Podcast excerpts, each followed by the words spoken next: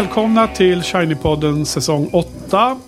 Eh, som vi också kallar för Bondpodden med Patrik och Henke.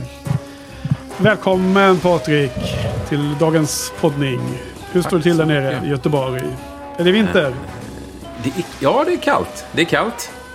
Ja. Och idag blir en sån här klassisk eh, avsluta möte på jobbet, koppla upp sig och, och podda.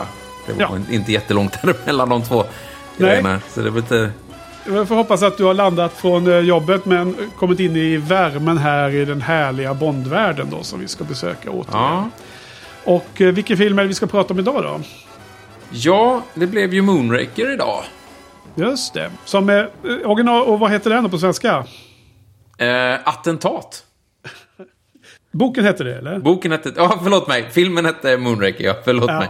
Boken... Eh, jag tänkte inte helt där. Ja. Nej, jag gjorde bara ett dåligt skämt. där. Jag förstår, det var jag. Samma, samma titel på svenska då. För, Ja, för den, precis. den observanta lyssnaren hade redan koll på det. Men boken hade den en översättning till svenska alltså? ja, den hette Attentat. Jaha, ja, men det var ju festligt. Det är, det är en kul grej. Ja, men eh, låt oss eh, eh, kasta oss in i, i kvällens begivenheter. Alltså, eh, förra filmen, där var vi ju mäkta mm, imponerade av båda två. Och vi älskade ju den ganska mycket. Och eh, jag tror att under förra veckans poddning så var vi lite så här spydiga och kritiska mot Moonraker varje gång vi nämnde den.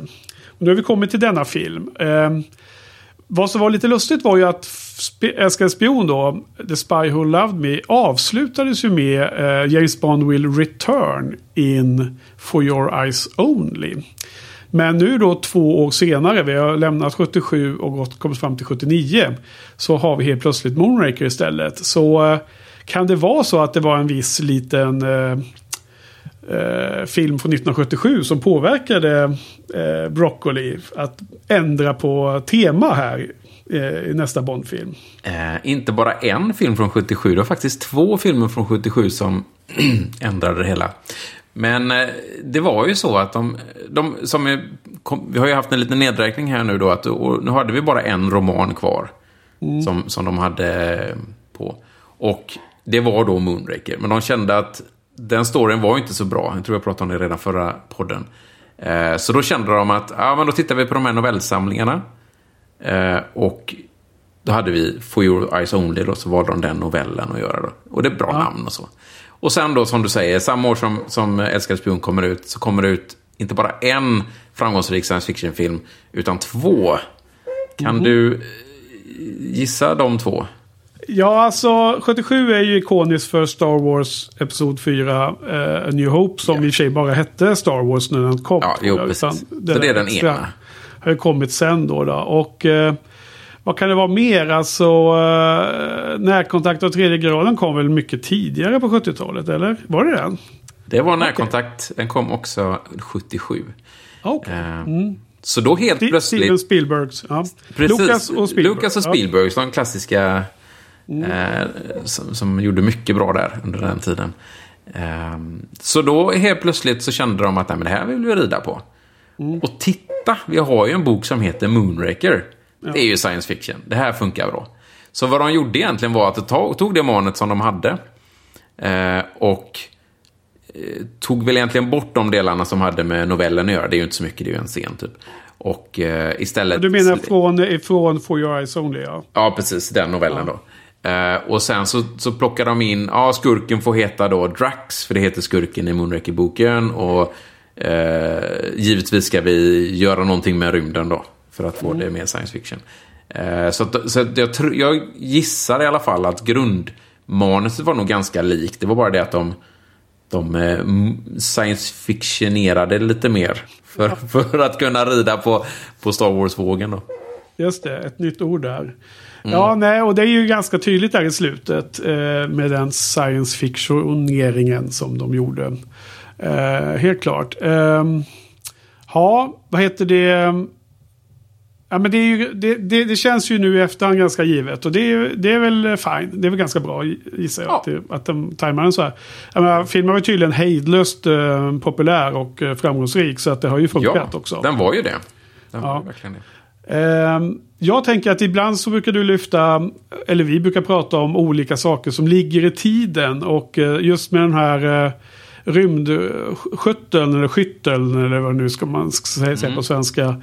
Med eh, Atlantis och Discovery allt vad de hette. De, den första som flög iväg från jorden från NASA var väl i 81, 1981 tror jag va? Den första. Oklart men, men... Jo men jag googlade det inför detta. Ja okej. Okay. Enterprise. Just för att Ja, det, den ja, lämnar väl i sig inte. För att jag kommer den... inte ihåg vilken. Nej. Eh, det var, den... de, de flög med den för första gången 81. Så att det är ja, väldigt okay. bra i tajmingen ju. Ja, för det är ju, man ser ju, den ser ju likadan ut som Enterprise då. Ehm, och, och det som sen blev de andra skyttlarna då. Mm. Ehm, så det, absolut, det här är en current event-grej definitivt. Ja, och i dokumentärfilmen så pratades till och med om att de hade hoppats att NASA hade haft sin launch samma år sin ah. första flygning. För hade de fått ännu mer draghjälm. Precis. Men det verkar som att den tajmingen inte blev perfekt. Men, men det verkar också som att det inte riktigt uh, hade någon betydelse. Uh, för de här ser ju helt ut som de som jag kommer ihåg. Jag menar, ser de ah, ja. olika ut ens? Nej, nej. Jag tror, jag, tror de har tagit, jag tror de har tagit då Enterprise ja. som de döpte den till. Och jag, jag har förstått, förstått det som att NASA till och med har hade använt eller frågade om de fick använda vissa saker som, som E.ON gjorde då för den här filmen. bilder eller modeller eller någonting. Jag vet inte riktigt. Men eh, så det, de gjorde någon slags lite, lite samarbete i alla fall. Jaha. Det var ju häftigt. Mm. Ja, okej. Okay. Så då blev det Moonraker till slut i alla fall. Och de, eh, de bara bytte på liksom i språnget. Och bara nu kör vi den här istället. Ja, precis. Ja, okej. Okay. You have arrived at a propitious moment. Coincident with your country's one indisputable contribution to Western civilization. Afternoon tea. May I press you to a cucumber sandwich? Uh, thank you, no, nothing at all. The shuttle, is it made entirely here in California? No, I own a number of subsidiaries throughout the world producing components. The conquest of space represents an investment in the future of the entire human race, Mr. Bond. It is therefore logical to seek out the best that each nation has to offer. Are you referring to people or skills? Both, Mr. Bond. Gott så. Vad, vad, vad handlar filmen om då? Ska vi köra en mission brief nu eller? Mm, kan vi göra. Eh, just den här rymdfärjan då som vi pratade om. Ehm, eh, som de då har döpt om till Moonraker istället för Enterprise. Eh, den transporteras till England, från USA till England. Eh, och kapas mitt under denna färd. Av någon anledning så hade de kvar bränsle då i, i den här färjan. så den kunde bara åka iväg eh, och... Ja, precis. Det var ju liksom, du vet förr i tiden så hade man ju den här devisen security last. Och sen efter den här olyckan då med den här så fick man ju ändra på den devisen till att börja prata om security first. Oh, det var ju efter den här, den här kap, kapningen av Moonraker som det här faktiskt uppdaterades. Så var det ju. Ja. Så här sätts ju Bond på fallet på att fundera vem det är som kapade den här då. Och hans undersökning eh, startar vid den fabriken som gjorde farkosten. Mm. Och sen tar, hon, tar eh, det här uppdraget honom eh, via Venedig och Brasilien hela vägen upp till rymden. Ja, precis. Ja. Up, up and beyond liksom. Mm. upp i rymden. Ja. Eh... Eller som de skrev på på planschen uh, Outer Space Now Belongs to 007. Det är bra. Okay, okay. Det är bra. Ja. Uh, ja, jag har ju sett eh, filmen och också dokumentärfilmen då, Inside eh, Moonraker inför den här poddningen. Och det finns ju bra mycket att säga om det tekniska eh, skills här som de har mm, specialeffekter och sånt de har gjort. Och, och, och eh, vad heter det? Stans. Men låt oss komma till det sen när vi bryter ner det lite mer i detalj. Uh, jag tror att lyssnarna har ju redan förstått att vi kanske inte håller den här filmen som den bästa Bond-filmen. Men uh, vad kan man säga om den på hög nivå då? Uh, är det min tur att börja eller? Det kan du göra. Jag börjar nog sist tror jag. Ja, nej men alltså jag, jag kommer ihåg den här filmen innan jag såg om den nu då. Eh, häromdagen. Som en av de svagaste filmerna i Bond-serien. Men jag måste faktiskt säga att ja, som, som det har hänt tidigare här nu i den här poddningen så blev jag faktiskt positivt överraskad Patrik. Bra. Och eh, jag tror att det som skilde sig den här gången var att jag aktivt satt och kollade efter de här dåliga sakerna. Och genom att kolla efter dem så blir jag medveten om att filmen till ganska stor del är ganska bra. Ah. Men att, att, att liksom, förstår du, jag fokuserar på det här som var så dåligt som jag kom ihåg. Och då lade jag bara märke till att det var väldigt mycket annat också. Ja. Som var bra. Så det är alltså som en bra film som finns där i bakgrunden. Men som blir liksom neddragen och kanske mest ihågkommen av dess svaga delar. Ja, ja. Men jag skulle vilja ge den liksom en liten klatsch i baken och be filmen att sträcka på sig lite för att det är ganska bra mestadels. Jo, och vad det som är då? Ja, precis. Ja, för jag, Det- jag har ju hamnat tyvärr i den fällan att jag fokuserar kanske för mycket på just de här små delarna som är usla. Ja, var, var det liksom en, eh, var, var det en, eh, en, eh, en upplevelse att den var svag för dig även i den här titeln? Eller? Ja, det var det. Och vi har ju pratat om de här två delarna av filmerna som den har avslutat sämre har vi oftast pratat. Så du pratar inte bara Bondfilmer, du, du brukar ju bland annat prata om det om ja, olika filmer. då. Och här tycker jag att just den här gränsen när den gick över till dålig kom mycket tidigare än Finns det någon gräns som du Jag- vill lyfta? Nej, jag kan inte säga det. Utan helt plötsligt så kände jag bara att ah, det här var inte bra. Jag vet inte om det var när de kom till Brasilien eller eh, Mm. någonting sånt. Ja, Eh, ja precis. Nej, för att ja, jag känner att eh, något som inte funkar i filmen är ju humorn. Mm. Och eh, du kommer säkert prata dig varm om Jaws. För det har jag förstått att du inte gillar hur han mm, utvecklas. Jag menar, redan från prologen när han eh, sliter sönder sin eh, fallskärm och han måste liksom flyga som en han fågel. flaxar där. Liksom. Flaxar, ja. Jag, jag, jag kände det när jag såg eh, pre-title där att hade de inte haft med Jaws överhuvudtaget där. Eller att det var någon annan som knuffade ner Bond liksom. Ja. Så hade den scenen varit riktigt, riktigt bra tror jag. För det hade inte blivit det där flaxandet heller.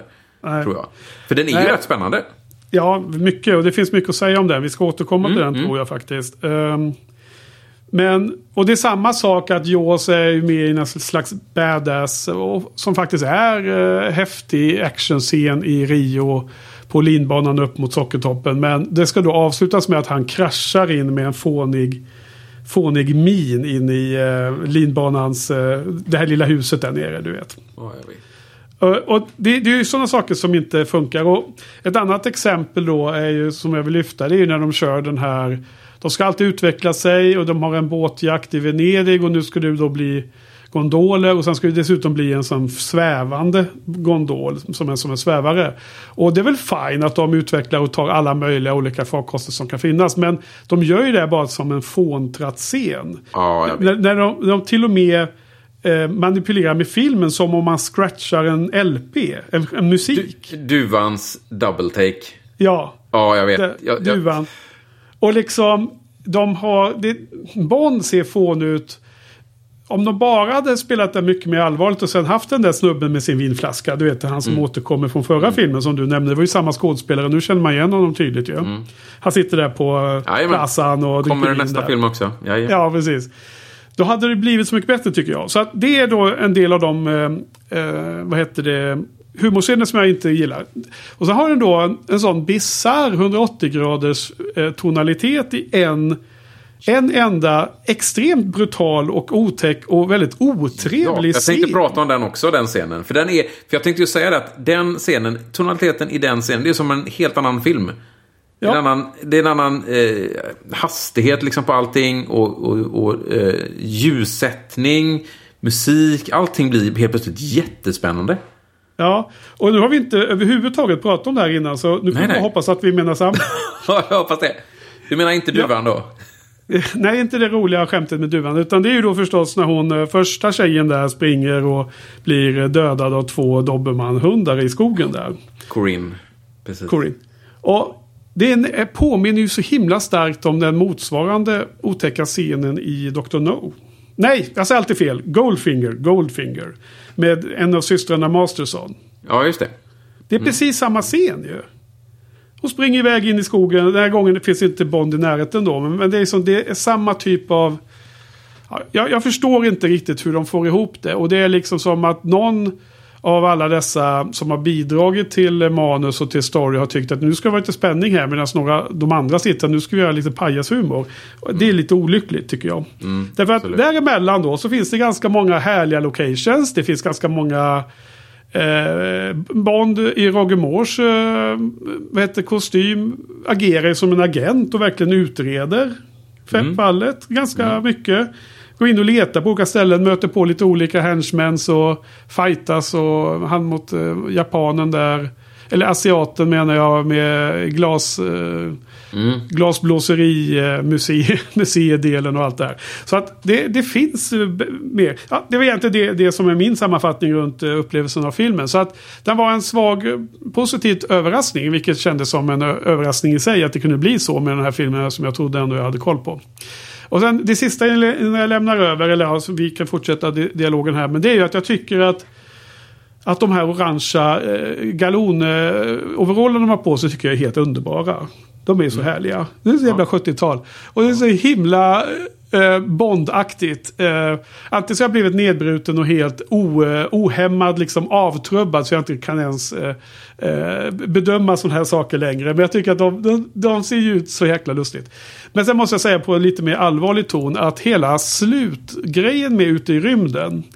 Så tycker jag faktiskt att den var bättre när jag kommer ihåg den också. För då var verkligen stålsatt jag med. Jag tänkte nu kommer den här jättesämsta delen. Men mm. bara, det, bara den revealen av den här rymdstationen. Insåg jag när jag satt och såg den att den är ju supersnyggt gjord. Mm, det, För det, är ganska, det är en ganska stor station. Och man ser bara toppen på en jäkla spröt som sticker upp. Som ligger i ljus. Sen så blir det liksom precis som att man kommer runt hörnet och solen strålar från kommer, når stationen du vet, kommer förbi mm. jorden eller något liknande. Precis, och, då, och då kommer det som en reveal långsamt och så ser man bara att den är större och större. Och jag, jag tycker det där är ju... Okej, okay, det är inte eh, Kubrick-nivå på det hela, men jag menar det är lite artistiskt. Trots, trots musiken. Ja, ja visst, eh, visst. Eller där musiken var påminner va? Eller hur? Vad ja, de, ja, de kör ju 2001-musiken också. Inte just där kanske, men tidigare så. Ja. Ja, men alltså den, den har liksom, den scenen eh, signalerar till mig att den har liksom en ambition att vara artistisk på samma sätt som Kubrick faktiskt mm, gjorde. Och mm, mm. Att eh, fotograf och Ken Adam och de liksom brydde sig om det. Sen då är det såklart lite pajigt med den där rymdfighten då som jag mässar till dig. Det påminner lite om undervattensfighten i Thunderball. Att den bara liksom, de bara åker omkring och skjuter. Och förutom mm. Bond och skurken så bryr man sig inte om någon annan karaktär. De har bara olika färger och så är det bara, ja där dog den, där dog den, okej. Okay. Ja, ja, liksom. Ja, nej, det håller jag med om. Inga stakes, känns det så. Nej, nej, nej. Uh, just det, men nu måste jag också bara nämna det, för annars kommer jag säkert glömma det. Och sen ska jag äntligen släppa ordet. På tal om musik som de använder för att eh, signalera filmgenre. Du nämnde att de kör 2001. Det var inget jag la mm. märke till. Men jag, jag tror det är 100%. Men däremot när Bond helt plötsligt sitter på en hästrygg och rider över slätterna där i Argentina eller Brasilien med en sån här cowboyhatt. Då spelar de ju någon känd westernmusik. Mm. Eller, eller musik som är supernära. Ja. Som är liksom bara, du vet, typ precis på gränsen. Ennio Morricone-aktigt eh. Exakt mm. sån musik. Ja, nej, nej, utan det är eller, mer från nej. den här... Eh, liknande någon tv-serie som jag fick en bild av i huvudet. Alltså typ eh, Bröderna Cartwright eller eh, McKayens. Det var någon av dem där. Okay. Inte McKayens, det borde vara man känner igen. Men det var något. Jag måste, jag måste klippa in det här lite där. Och om det inte är exakt samma så är det så, precis så nära som man kan komma undan med utan att bli stämd gissar ja. jag. Eller, eller så är den till och med som en hommage väldigt så exakt. Så det var du vet när han rider där. Ja, ja, oh, ja, kommer han fram till, eh, till M's kontor på plats där. Och Miss Moneypenny. Ja, nej men så, så, det var lite allmänna tankar om filmen. Vad, vad har du att bidra med? Eller har du något annat annan perspektiv? Ja, mitt, första min, min första take här är ju egentligen att hela skurkens plan har de ju tagit rätt av från Älskade spion. Eh, alltså skurken ska ödelägga hela jorden och så ska mm. han flytta till havsbotten eller till rymden. Då. Det, är ja. liksom, det är exakt samma. Men det är klart, eh, Älskade spion var ju så populär så det är väl mycket möjligt att de eh, kände att ja, men det där konceptet funkar, vi kör på det. Ja. Och det borde ju inte funka, men samtidigt är det inte det som kanske är det viktiga för folket. Nej, kanske inte. Jag tror inte det. Nej. Eh, men sen, eh, jag sen sagt lite när du har pratat här också. Men det jag tänkte på mycket också här att Här börjar man se att Moore börjar se gammal ut. Jag tänkte redan första scenen, liksom, han satt med den unga tjejen i flygplanet där. Och, eh, nej, men här börjar han bli gammal. Och här kommer det bara bli värre och värre. Nu, det kommer ju gå från han ser gammal ut till gubbsjuk. Liksom, så det kommer bli något. Ja, just det. bör, han börjar se sliten ut nu. Ja. Ja. Han är 52, jag kollade upp det. 52 är han vid det här. Ja. Då, så Och eh, vilket år kom hans sista film?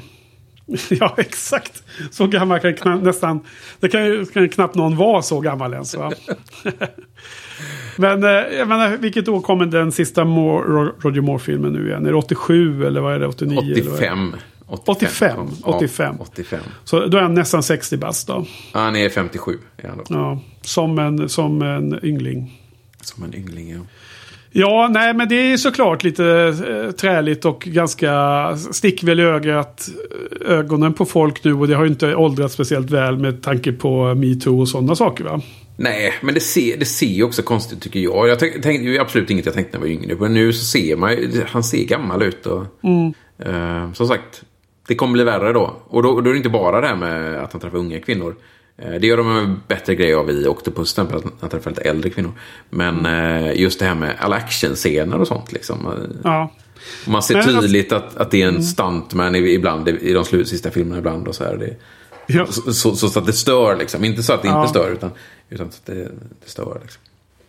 Ja, och, men eh, eftersom man alltid har gått och vetat om att det är hans glimten i ögat och den här brittiska eh, humorn då som han lever på. Så får vi hoppas att man kan se den nu då.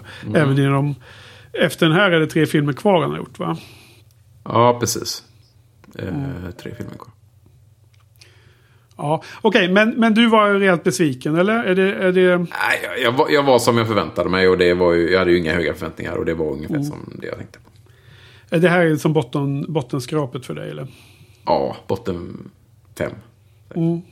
Okej. Ja, ja okej. Nej men... Eh, ja, ja, men låt oss återkomma till, till eh, andra saker sen då. Eh, ska vi eh, gå in på filmen lite mer i detalj? Mm. Vi pratade ju redan om den här pre-title-scenen. Så du hade mer? Ja, ja den, är ju, den är ju väldigt spektakulär och eh, våran vän Joel här har ju eh, eh, beställt av mig att vi måste prata i detalj om den här prologen. Så jag, jag tittade med eh, spänt intresse för jag tänkte vad undrar vad Joel eh, vad han menar. Vad är det vi ska titta efter? Och så, ja ah, okej, men det är ju lite spektakulärt. Ja. Bond eh, kastas ut ur ett flygplan, han har ingen fallskärm och han måste liksom flyga i kapp och sen brotta ner den andra i luften på något sätt. Och sen sno hans eh, fallskärm. Precis. Och sen, sen kommer Jaws och det där fåniga. Men om vi, om vi, om vi tar Bonds aktioner hela. Så det, det är ju jäkligt häftigt tänkte jag. Och sen så tänker man inte så mycket mer. Eller? Tycker du att det är häftigt eller? Är Jag här tycker det är bra, häftigt. eller? Jag tycker absolut det är häftigt. Eh, Bortsett från, från eh, Jaws och hans flaxande då. Så, eh, så det tycker jag är jättebra gjort. Det, det är den första freefall actionscenen någonsin på film tror jag. Ja. John Glenn är det som regisserade. Det var även han som regisserade det här fallskärmshoppet i början av Älskade spion. Ja, ja, ja. Och han från och med nästa film kommer ta över regissörstolen helt då liksom. Och, Okej, han, han är huvudregissör i nästa film. ja, precis. Mm. För de, de rekryterar alltid internt känns Internt, ja precis. Eh, Ja. Ja, eh, men, men du gillar den här, eh, den här scenen? Ja, mer, mer än vad jag trodde tror jag till och med. För att jag, det enda jag kan minnas innan jag såg filmen var ju det här flaxandet då. Ja. Så, så, men nu när jag såg den så, så kände jag att men det här är ju bra liksom. Och så kom flaxandet till slutet och så blev det dåligt igen. Men, Ja, just det. Okej. Ja, därför att jag, jag var liksom så här vagt positiv då och tänkte vad, är det Joel menar egentligen? Och sen då när jag såg Inside eh, Moonraker-dokumentären. Då fick jag upp ögonen för att det är ju så jävla ballt hur de har gjort det. Alltså det eller ballt och ballt, men alltså när man får veta hur det rent tekniskt utmaningarna var. Då är det klart att då blir man mer impad. Det, är, det kommer med kunskapen om vad som hänt. Och, och det är inget spektakulärt egentligen, utan det är ganska givet. Eh, men det är någonting som man kanske inte tänker på om man inte får det presenterat för sig. Och det var ju nämligen att de spelade in det här i många tagningar. Och varje tagning var så lång som tre sekunder. mm, Så att det var 88, om jag kommer ihåg rätt, så tror jag att det var i storleksordningen då, då 88 fallskärmshopp. De gjorde om och om igen och exakt visste att nu är det de här tre sekunderna, det är den här delen av eh, fight-scenen. Du vet, de har tänkt ut allt. Ja, ja det, men det måste jag... Och, och skript, du vet, gjort storyboard och sen så det, nu ska vi ta de här tre sekunderna, sen ska vi ta de här och sen ska vi ta de här. Och att, att göra det där, bara tänka ut det och sen genomföra det och få det att funka liksom är ju, det är en bedrift. Det är, det är, en, det är jäkligt häftigt gjort alltså. Det är, jag menar, Joel är ju, har ju bakgrund från filminspelning och tv-serieinspelning och med produktions eh, hela eh, behind the scenes och hela projektledningen runt att få till en inspelning. Så han har väl liksom extra stor eh, förståelse eller liksom en ömmande, eh, ömmande hjärta för de som sätts med det här upp, uppdraget. Så det, det är därifrån han kommer, Joel, då. Inte att han är en gammal fallskärmshoppare, fallskärmsjägare eller någonting sånt. Ja, det kanske han också är. Jag har inte riktigt koll på vad, om han... eh, Du får skriva något i kommentarerna Ja. sen efteråt. Ja, precis. Han brukar alltid säga att han inte kan logga in till Discuss, så att han eh, skriver aldrig kommentarer. Undanflykt. Ja. Uh, ja, ja, nej, men så jag, jag måste säga att jag fick lite extra, extra eh, vad ska jag säga, lite eh, respekt för den här uh, prologen då. Eh, men sen är den, har den ju då sin uh, nackdel där med Jaws. Eh, sen, är, sen är det ju, ja, han är ju så stark Jaws, så han kan alltså ramla rakt ner i backen. Blir liksom lite fångad av ett uh, cirkusnät då, eller tak eller sån här eh, vägg. Men han bara borstar av sig på axeln och så går han vidare. Ja, han gör det ganska många gånger i, det här, eh, i den här Ja. filmen tycker jag. Han har fått en bula i huvudet nu. Ja, jag såg I det. pannan. Så att någon gång har han slagit sig lite extra Ja. mycket. Liksom det var ramlat ett ton stål på honom. Så fick han en liten bula. Mm. Ja, vad har vi sen då? Ja, sen har vi ju titelsekvensen då, låten. Just det. Eh, han, han ramlar ju ner i, i cirkustältet och så får man se början av eh, titelsekvensen så är det lite cirkusakter där. Och, eh, lite tema med, eh, vad heter det? Zero Gravity. Kvinnor i Zero Gravity ser ut som. De har filmat som ser ut så. Eh, Shirley Bassey kommer tillbaka. Ja, Som av en slump får hon göra den sista, den här film, låten. Vadå? Var det en slump eller hur menar du? Ja, tydligen. Jag läste lite om det. Först gjorde de en, en låt som de erbjöd både Frank Sinatra och Kate Bush tydligen. Oj. Ja. Wow, tänk om det var Eh, Kate Bush. Men hon, hon, vill, hon vill inte sjunga för, Kate- för Ja, jag vet inte varför, men... men eh, Hon gör bara sin egen musik dessutom. jag förstår, ja, så kan det vara. Men sen i alla fall när Frank, Frankie Boy där då tackade nej så skrappade de den låten helt. Och så gjorde de en ny låt och så hade de tänkt att det var någon man, någon, någon eh, amerikansk artist eh, som skulle göra den. Johnny Mathis hette han tydligen. Ingen aning vad detta är. Eh, och han tackade nej. Och då satt eh, John Barry där på sitt hotell i Hollywood, eller Beverly Hills eller var han nu satt. Och bara kände att, vad fan, vi ska, det är ju deadline här. Vi måste ju vi måste göra något. Och in, när han sitter och äter, in på den här hotell, hotellrestaurangen så kommer då Shirley Bassey. Okej. Ja, och då var det liksom... nöden. "Äh", Och hon gjorde honom en tjänst egentligen och, och sjöng in den här. Så att det var inte planerat alls tydligen. Nej. Och för det här är ju tredje gången som hon kör låten då. Ja, precis. Ja. Eh, nu måste jag... eh, Men det är härligt. Hon är, sjunger bra här och, och jag tycker det är en bra låt. Eller den är okej. Den är, den är Ja. schysst. Helt okej. Ehm, nu måste jag direkt rätta mig här att Kate Bush har ju absolut, hon har ju gjort eh, en del covers eh, på speciellt singel-B-sidor och sånt. Och hon har spelat flera låtar av Sir Elton John. Så att det är bäst att jag kommenterar här. Så att, jag fick ju sån pisk av Frans. Ja, men Lo- Lo- Lolo... Lulu. Ja, det, var, det var inte acceptabelt att säga att hon var okänd. Nej, tydligen inte. Jag såg också det.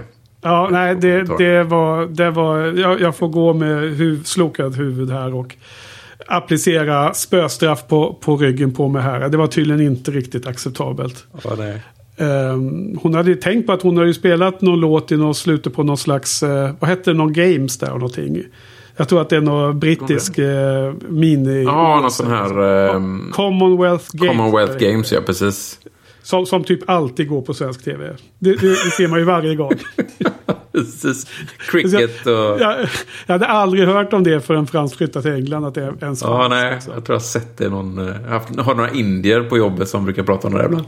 Ja, okej. Och deras Ja. cricket och allt vad det nu är för något. Jo, så där hade ju Lulu varit med och spelat. Så att hon är ju världskänd. Då är hon ju världskänd över hela Commonwealth. Liksom. Okej. Ja, nu får vi slå av ironiknappen här. Gå vidare. Men ironi, för det, det blir lite, lite kul, ett roligt skämt här precis efter tidssekvensen när, när Bond, när Miss Moneypenny frågar Bond Åh, hur du ser ut eller om man är sen eller vad det är. Och han säger att jag föll ur ett flygplan utan fallskärm. Hon bara skrattar åt honom. Just det. det är jättebra. Det är ingen som, hon tror honom inte Nej. överhuvudtaget. Och det kommer ju tillbaka sen då också när de Just är det. i, Brasilien. Han säger något liknande och hon jag bara, bara skojar åt, skrattar åt det liksom. Ja. För hon är ju i fältet där ändå. Det var en annan diskussion Mm. vi hade här på kommentarerna på shinypodden.se om, eh, du vet, Moneypennys eh, eventuella eh, vad heter det, fas som aktiv agent. och Bakgrund, ja precis. Ja. precis. Nej men, eh, och du kröp till korset där lite och sa att eh, det är klart att eh, om man fokuserar på boken då som du gör så, så funkar det inte. Men annars så skulle det såklart vara en Ja. rimlig, rimlig, Absolut. rimlig aspekt liksom. Att, Mm. att man kanske kommer från fältet och in till kontoret liksom. Det är väl, man får skrivbordstjänst liksom när man inte pallar med ute. Så det kan man ju Bra, bra utrett och det är Mm. så när man, när man kör podd så måste man alltid hålla med om allting. Så, mer eller mer. Till, till slut måste det alltid sluta med att man håller med sin, våra Är kommentarer. det så det, är det, så det funkar? Ja, det är Ja men det, det, det man måste man ju vara stor nog att eh, göra. Liksom. Ja. Ja. Precis. Eh, just Men- det. Ja, eh, någonting som jag, jag tror inte vi pratade om det sist. Eh, försvarsminister Grey är ju med igen här, i den här Mm. när Bond får uppdraget.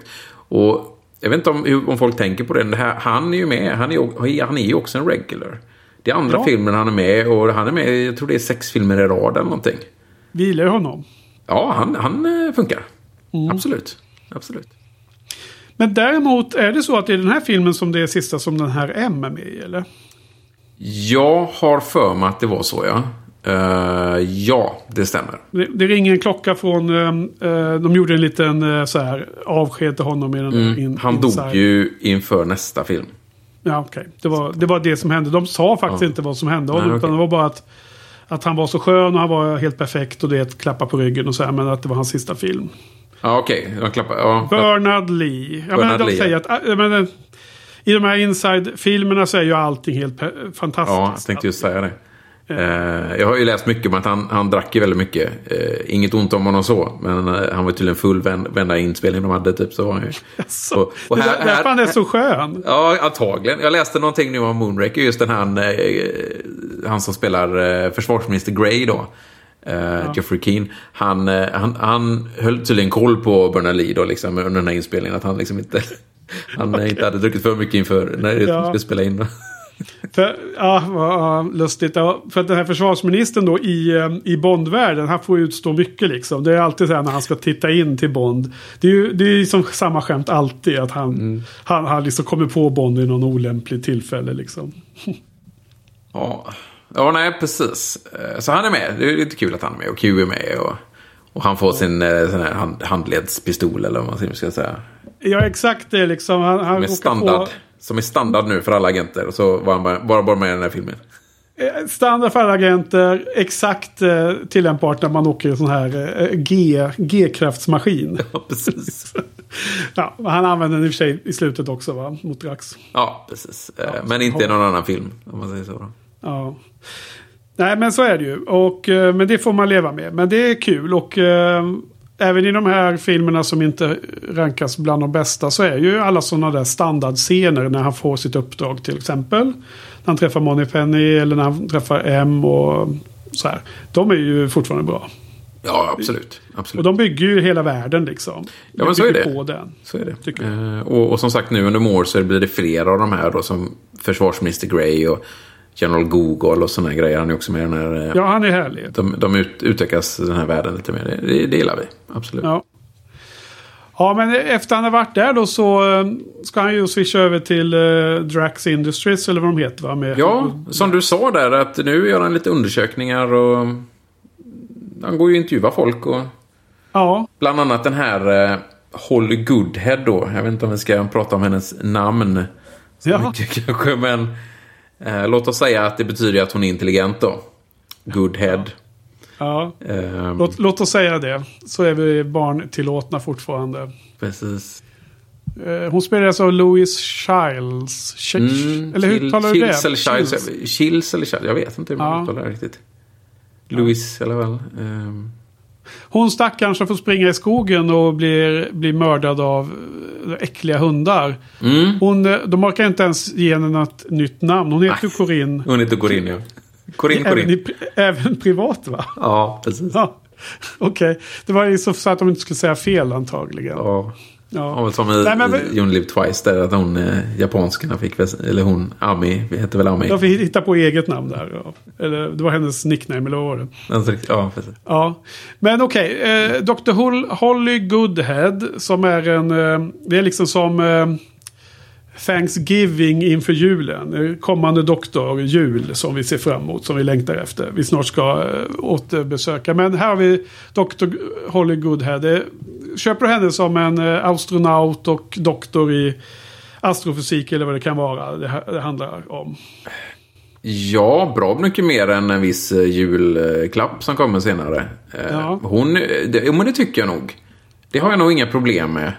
Eh, Jag tycker inte om karaktär... Eller jag ska säga, jag tycker inte om hur de har skrivit det här banter-grejen mellan henne och Bond. Det blir bara, bara konstigt och fel. Och jag tror inte Mm. att det är bara hennes skådespelarens fel, utan det här står ju även i manus. Liksom. Och det, Ja, den delen blir han hela tiden liksom ska göra någon slags... Och jag, jag har glömt av att du inte bara är en vacker kvinna. Såna grejer. Det, det känns väldigt utdaterat. Och, Ja, Och- och alltså. även- det gäller ju han, hans relation med alla kvinnor i den här filmen. ja, alltså det är inte... Det blev inte bra. Nej, jag håller med. Och, därför att jag, jag, jag lade märke till att Roger Moore, eller rollen, karaktären, han, han liksom, vissa tillfällen så är det ingen eh, förförelse överhuvudtaget. Han bara Nej. går fram och ky- kysser dem och sen är det done deal. Ja, som Manuela senare i filmen. Ja.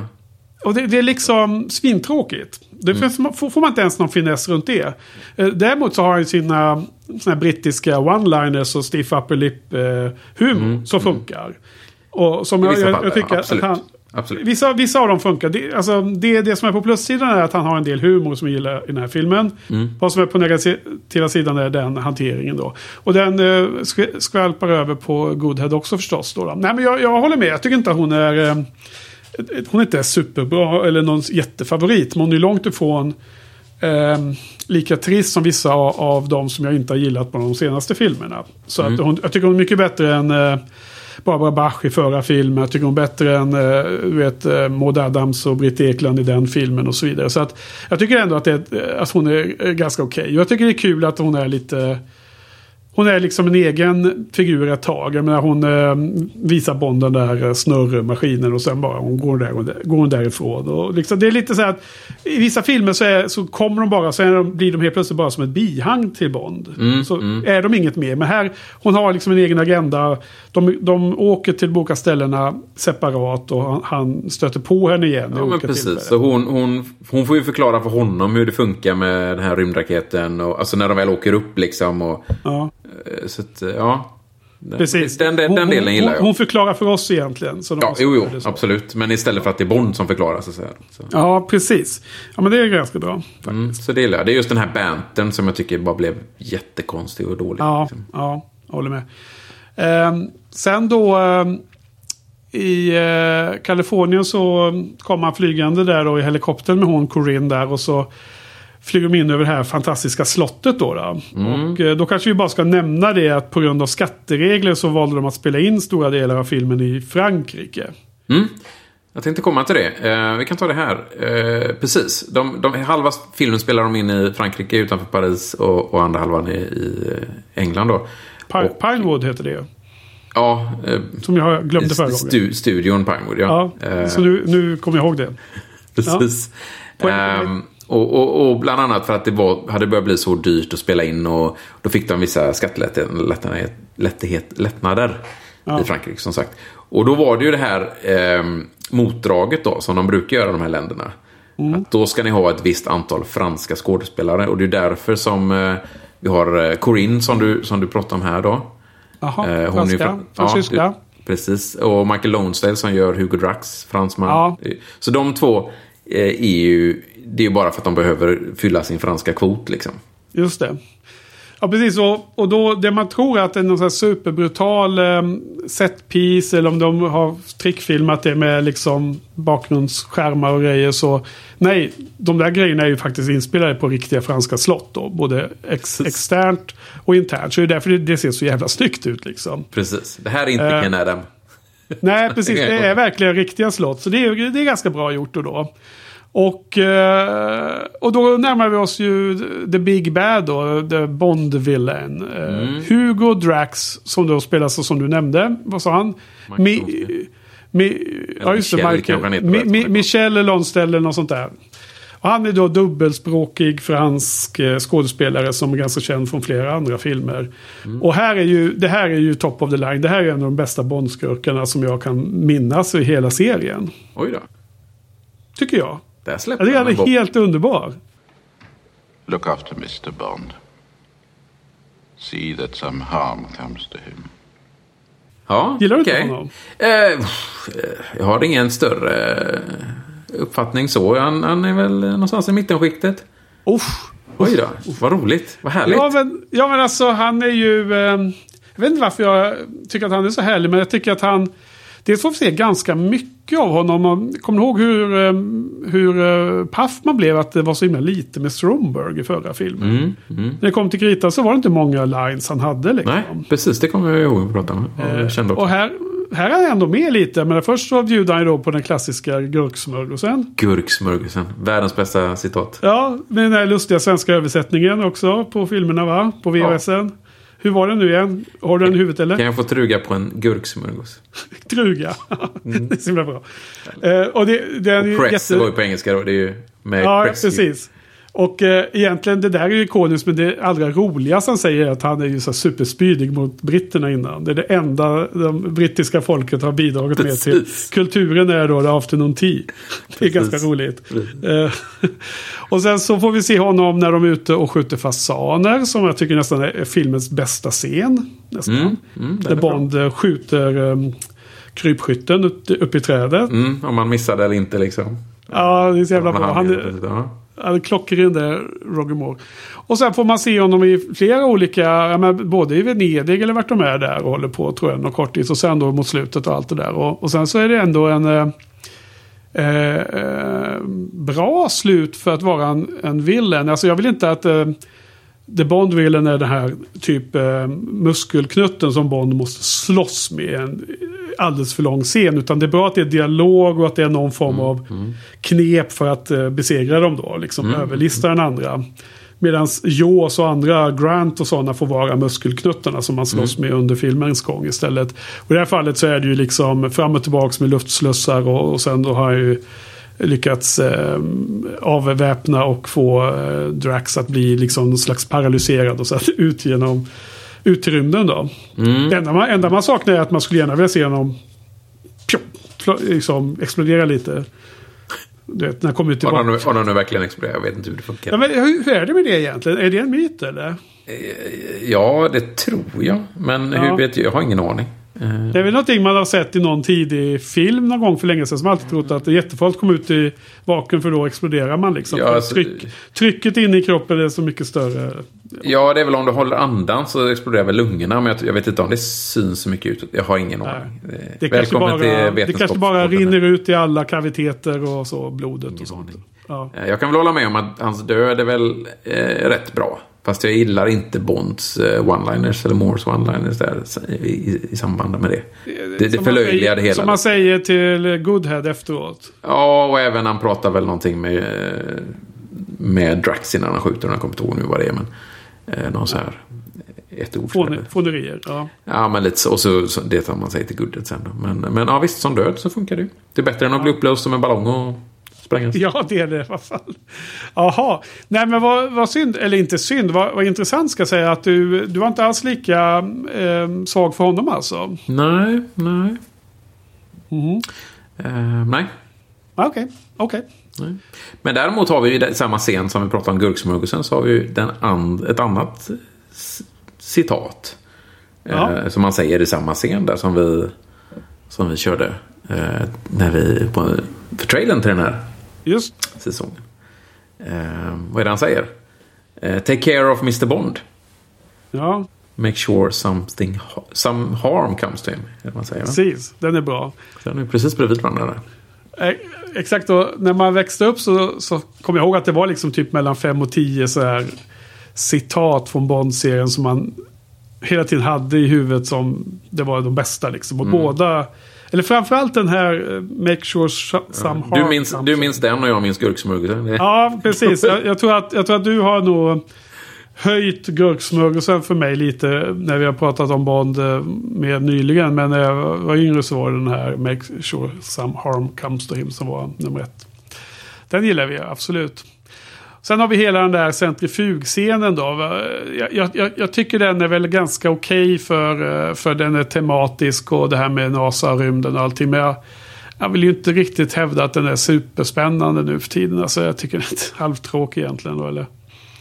Ja, men den är tematisk, den ingår. Jag tycker det, på, på så sätt är den väl bra. Alltså den Ja. är ju inte, den är inte sämre än så mycket annat man, man ser ibland. Så jag, har inga, jag har inga problem med den egentligen. Nej, nej, okej, bra. Ja, något annat där då? Sen, eh, nej, men sen, eh, sen är han klar i Kalifornien. Och jag har hittat eh, en, en ledtråd till Venedig. Just Så då det. beger han sig dit. Hur fasen var den ledtråden? Var det via någon font eller vad var det? Nej, det, det var väl han, han tog ju eh, fotokopia på de här eh, ritningarna som han hittade i ett eh, kassaskåp där. Ja, Och så stod det väl eh, Venini Glass eller någonting sånt på eh, ritningen tror jag. För de, de, det var ju en ritning på glas eh, skålar typ. Och eh, de var gjorda av de här Venini glas. Och de stod fortfarande och höll på att blåsa dem när han kom dit. Det det var så, någon många, så många kan det device där som skulle ha en viss dimension. Precis. Ja. Eh, Så det är ju lite roligt för här har vi ju, jag vet inte om du kommer ihåg att det var en guide som guidade runt eh, på den här Benini Glass. Eh, Kommer du ihåg det? Ja, hon det var en kvinna. Ja, precis. Eh, Och sa och- lite skämt och så. Hon lyfte på någon Ja, extra precis. Ja, dyr. precis, bara det var ju Började, började tuta och sådär. Precis. Ehm, Ann Lönnberg.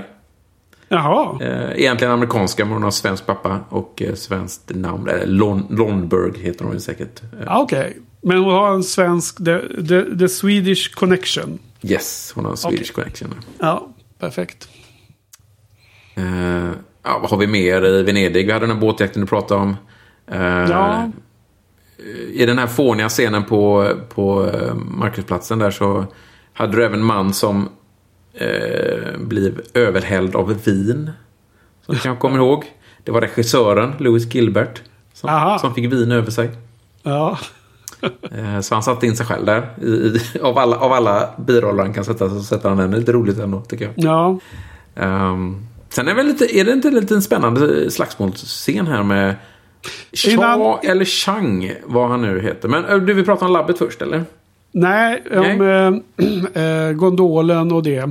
Mm, I, eh, I dokumentären så nämnde de hur himla många öar Venedig är och hur ännu många fler broar som finns över kanalerna. Mm. Och då nämnde de att ursprunglig plan var att man skulle ha en motorcykeljakt. Och att de skulle åka då Jaha. över broar och Broarna fram och tillbaka. istället, ja. Ja, Istället på broar och på torg och sen skulle hoppa över kanal och sånt där. Mm. Men de fick inte tillstånd till det så fick det bli gondoler istället. Eller en Var det verkligen så? Okej. Ja, de, de, För- eller jag vet inte om det var så men det nämndes i Ja. dokumentären att det var så. Okej, för, för vad, jag, vad jag har läst är nämligen att för att göra de här gondoljakterna, eller att, för det är ju en, hastigheten är ju mycket högre än tillåtna hastigheten när de kör de här. Så fick de tydligen muta massa folk för att kunna få... Så jag tänker om de inte fick det så kunde de muta. Han kanske inte, eller en Jo, pilot gick och muta. vad jag gissar att eh, jag kan bara tänka mig. Jag har ju varit i Venedig. Har du varit där? Ja, jag har varit där. Det var länge sedan. Det är Ja. så jävla tajt. så Man kan inte riktigt se att det är en motorcykeljakt där. Nej, det är klart. Eh, Så som det var. Och, och sen nu när de gjorde den där eh, eh, körningen med eh, gondolen uppe på backen där. Mm. Så är det ju ovetande turister som man ser också. Det var en stor grej Ja, att kan man ju tänka sig. eh, först, först började med att de hade då hjälp av polisen för att flytta på alla. Men det gick ju inte. Och så till slut så eh, polisens eh, hjälp blev alltid mycket sämre. Så det slutade med att de körde undan polisen. Och så fick de bara Jaha. åka på chans där. Roger Moore sa att han var väldigt orolig över att de skulle köra på någon turist. Skada någon. Så, de kör, så alla som ser, enligt, igen då, enligt den här självbekräftande dokumentären. Så är Ja. så att, säger de då. Sen kan man ju kanske börja ifrågasätta all sanningshalt alltid i de här dokumentärerna. Men, men att de uh, turisterna var som visste inte om att det här var liksom, Nej. vad det var. Så Nej. ser de förvånade ut så är de förvånade. Liksom. Ja, okej. okej. Okej, men sen var det fight sa du, inne i Ja, glasrummet där. jag har inte riktigt fattat om han heter Shaw eller Chang. Men, eh, för de säger Shaw i vissa fall i filmen. Där, men hur som helst. Men det, det är väl lite ändå spännande eh, faktiskt, eller? Och så lite lustigt Ja. att de använder den här glas... eh, Och Bond vill inte använda den här jättedyra glasskålen. Så han ställer tillbaka den. Och sen så, Ja, det, det är kul. Han dyker ju upp helt plötsligt där och, och anfaller Bond ju. Och han kunde ju haft också en pistol då, men då går det för fort. Det, det är ju samma som de säger i Austin Powers. Det måste ju Men gå eh, orimligt långsamt och Ja, men det är väl som, som de flesta henchmens. De har ju sällan något eh, vapen som är användbart. Exakt, det ska vara mi- minst de här 30 seconds av, eh, av suspens. För hur, Ja. hur ska Bond klara sig mot den här farliga mannen? Precis. Nej, men jag tycker att den är väl... Ja, jag tycker den är okej. men du kanske, du kanske tycker att den är eh, mer intressant. Eh, jag har tidigare pratat om att du är mer bevandrad inom eh, Hongkong action och sånt. Är det någonting som brukar återkomma där eller? Nej, jag vet inte. Det enda, det, det enda jag inte gillar med, är att de ramlar i, med glasställningar hela tiden. Men annars, jag tycker fighten är, är bra. Det är liksom inget... Ja, jo, men den är väl hyfsad. Jag måste säga att eh, det kommer nog dröja ganska länge innan, jag, innan eh, Bond-filmer kommer ge eh, riktigt eh, nicea actionscener igen. Jag tycker att det var lite eh, Rod, jag, Sean Connerys era och sen kommer det väl tillbaks i, mot slutet nu, tycker jag. Mm, Är, jag det, är, det, är, det, är man utanför, är man eh, inte med i Bond-fansklubben? Nej, men jag förstår hur du tänker. Absolut. Ehm, eh, absolut. Ja. Det är väl, jag tänker mig... Jag funderar på hur Timothy Dalton gjorde det där, men... Ja, det får vi återkomma till i så fall. Ja.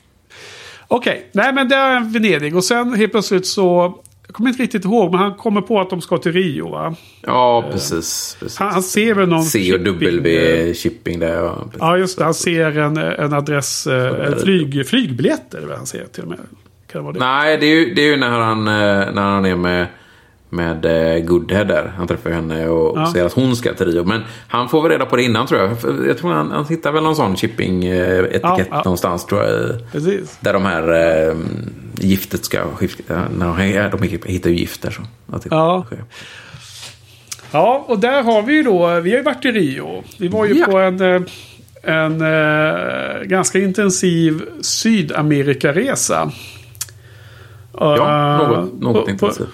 Något intensivt. På två veckor drygt. Och vi besökte fyra länder. Och vi var på en herrans massa ställen. Men vi avslutar med Rio. Ja, det var skönt. Det var jättenice eh, att vara där. De Ja, det var helt fantastiskt var det. Vi, vi flög ifrån eh, något land. Vilket det nu kan ha varit. Ja. Men jag inte ens ihåg. Kommer du ihåg vart vi var innan? ja, Bolivia eller Peru. Bel- Bolivia. Peru kanske? Ja, något av dem. Ja. Gud. Så kom vi fram väldigt tidigt på morgonen, typ vid fyra snåret. Och sådär. Det Så det så- var liksom väldigt konstig, konstig tid att använda. Så hade vi ju då medvetna om att vi kommer säkert vara helt slut här i slutet på den här intensiva resan. Så hade vi ju bokat in oss på ett riktigt nice, så riktigt femstjärnigt hotell på, på, på beachen där nere. Copa- Mm. Precis bredvid eh, Copacabana. Ja. Copacabana. Och Ja. Det, det, var, det var nog det bästa hotellupplevelsen jag haft hela mitt liv. För att först och främst hade de ju skick, eller vi hade beställt upphämtning.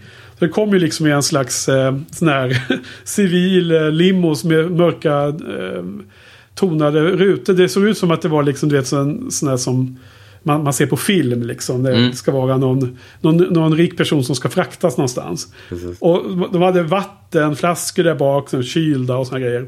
Så kom vi fram då och då var ju klockan före sju på morgonen när vi kommer till hotellet. Och Mm. då hade vi Vi tänkt, oroliga om ja, skulle, man skulle... Ja. Inteckningen var ju egentligen inte förrän... Ja, men man är van att, att checka in på eftermiddagen och då börjar vi fundera på att då får vi ställa in väskorna så att vi får gå iväg och göra en del av vår sightseeing för att vi har ingenstans att hänga och så. Men då kom man fram och så var dels fick man ju champagne direkt och dels var det så här ja men eh, då får ni checka in här då, här är ett rum och vi bara men eh, vi, ska vi checka in nu? Ja, ja, men ni är här nu liksom. Ni behöver, ju, ni behöver ju duscha och sådär och vila lite innan ni ska gå ut på stan liksom. Precis. Så det var ju så jävla skönt är alltså. just champagnen också. De kommer med champagne direkt. Det är helt sanslöst. Det var nice var det. Alltså, det, jag kommer nog aldrig glömma det. Det är sådana små, små detaljer i sådana här resor. För vi gjorde ju tusen andra saker också. Ja, men det, ja. det är vissa saker som står ut liksom som minnes. Det är som en liten eh, sån här fyr ute på ett stormande hav som man kommer ihåg extra bra från den här Mm. resan. Det är olika sådana moments liksom. Som är de grejerna som man verkligen bär med sig. Så det finns ju många från den här resan. Men det här var en av Mm, nej, det här var verkligen bra. Ja, absolut. Och många men så- dåliga så- också, men det här var bra. Ja, det var ju saker och ting som man kunde ha gjort bättre. Men det är ju lätt att veta i efterhand. Liksom. Eh, bland annat så var vi ju uppe på i La Paz på 4000 meters höjd. Eller 4 och 3 till och med tror jag som den staden ligger på. Jag, var ju, jag blev ju konstant höjdsjuk under den perioden. Och det var ju Det var fruktansvärt uppe. Det sig. Eh, man ska ju åka dit långsamt med buss och stanna på varenda jävla nivå och akklimatisera sig. Men vi, vi tog ju flyget från eh, Santiago liksom. Det, det klarar vi av. Men du klarar av det va? Jag kände ju av det, gjorde jag. Fast jag blev ju inte riktigt så... eh, så Nej, jag blev ju faktiskt mer eller mindre utslagen så jag höll på att missa... Machu? Picchu. Machu Picchu, vilket har varit en bisarr konsekvens av det hela om det hade blivit så. Men nu, nu hann jag pigna till den morgonen. Ja, det var skönt. Eh, men vad fan, så då gjorde vi ju eh, sightseeing vi var uppe vid den här Kristusstatyn där det var en jävla massa folk. Men vi var ju också då på Sockertoppen va? Eller hur? Mm. Ja, var vi det? vi var på vi? Sockertoppen. Vi var på Sockertoppen. Vi tog de här fotona. Eh, kommer finnas på eh, sidan här, tänker jag. Ja. Eh, så det var nice. Tog ju den här kabinbanan då, givetvis. Hoppade Ja. dock inte upp på taket. Nej. Eh, Jag, Borde vi jag kommer inte ihåg. Var, var kabinbanan lika mycket glas åt alla håll som det var ju nu i filmen? Eller? Kommer du ihåg det? Brukar de ju vara? Jo, det tror jag nog alltid var. Ja, jag kommer inte ihåg. det. Känns som att jag inte riktigt kommer ihåg det. Jag kommer ihåg, jag kände igen eh, Seven Up, eh, den scenen med Seven Up- Mm. Ja. Och den trappan där. Kommer jag ihåg. Precis, precis. eh, det- Ja, precis. Foto. 7-Up-skylten var ju inte kvar då. Det är ju eh, en av de här produktplaceringarna som finns i den här filmen. Eh, Men ja, nej, det, var, det var nice. Det var jättekul att och, och också se just där de spelade in det här och, och så. du. Och även den här utkiksplatsen. Man kunde se flygplatsen över vatten. På Jajamän. baksidan. Åt andra hållet ifrån den stora stranden. Precis. Eh, och du hade järnkoll på allting och fotade och så. här. Jag hade varit mer diffus i minnena och runt uh, Moonraker då. För det här var ju då emellan mitt uh, Bond-projekt på, på bloggen och, Ja, eh, det. Och nu. Så vi var ute och reste. var det var det. 2015 eller? Ja, det var väl fem år sedan skulle jag gissa. Ja. Mm. Ja, men det var underbart. Eh, så i Rio är det en del bra grejer. Eh, vad tycker du om scenerna runt eh, karnevalen och så då? För det är ju den kultur, eh, Ja. kulturgrejen de ville ha med därifrån då såklart. Eh, sömnigt. Ja, väldigt under, underväldigande. Och jag tycker att de här scenerna när Jaws jagar... Eh, ja, eh, vad heter hon? Ho- Manuela. Och så. Ma- är det Manuela? Just det. Nu blandar jag ihop här. Det är ju... Eh, Eh, Bond träffar nummer på två. någon, någon annan tjej där ju. Mm. Precis. Precis. Eh, och, och, ja. De är inte jättebra tycker jag, de scenerna. Han, Nej, det är de inte. Nej. Och det är också en annan eh, färgskala. Det, det känns som att det är filmat med en annan f- typ av film. Eller något Mm, Kanske liknande. meningen också, vad vet jag. Eh, får- Det, det känns mer eh, dokumentärt och mindre eh, så här eh, eh, slick production value som det kan Bond-film ska ha. Mm. Ja, just det. Jo, Manuela dyker upp där ja. Och det, där är det ju så här när han bara liksom. Det, det är ingen eh, pardon. Han, det ska bara, bara han ska bara ligga med henne liksom. Ja. Det var jättekonstigt. Väldigt tråkigt. Ingen spänning överhuvudtaget där. Ja. Men sen... Eh, när vi pratar om sockertoppen då, så är det ju egentligen två saker som är, som är intressanta här. Dels så... Eh, de slåss på kabinbanan och sen så kraschar Jaws ner. Och där träffar han ju då Dolly.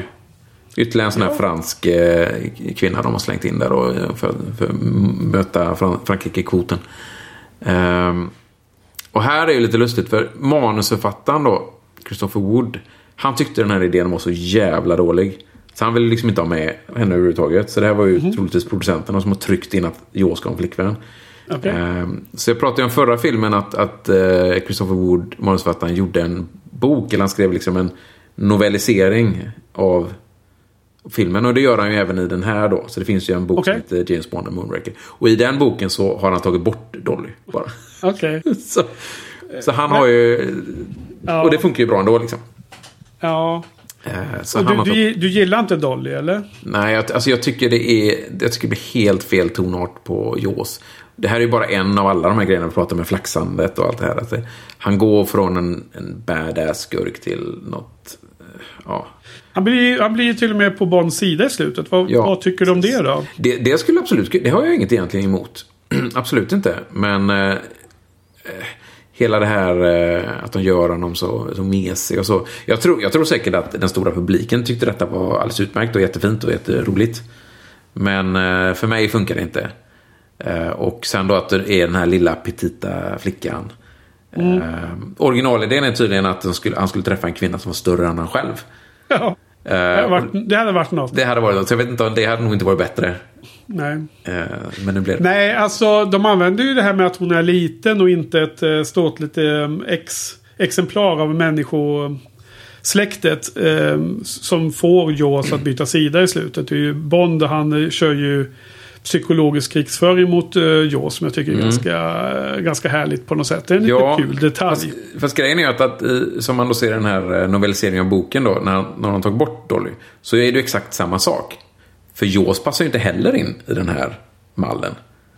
Så då är det bara att han reagerar för sig själv. Liksom. Så det funkar ju också. Men, men på något sätt tycker jag att hon...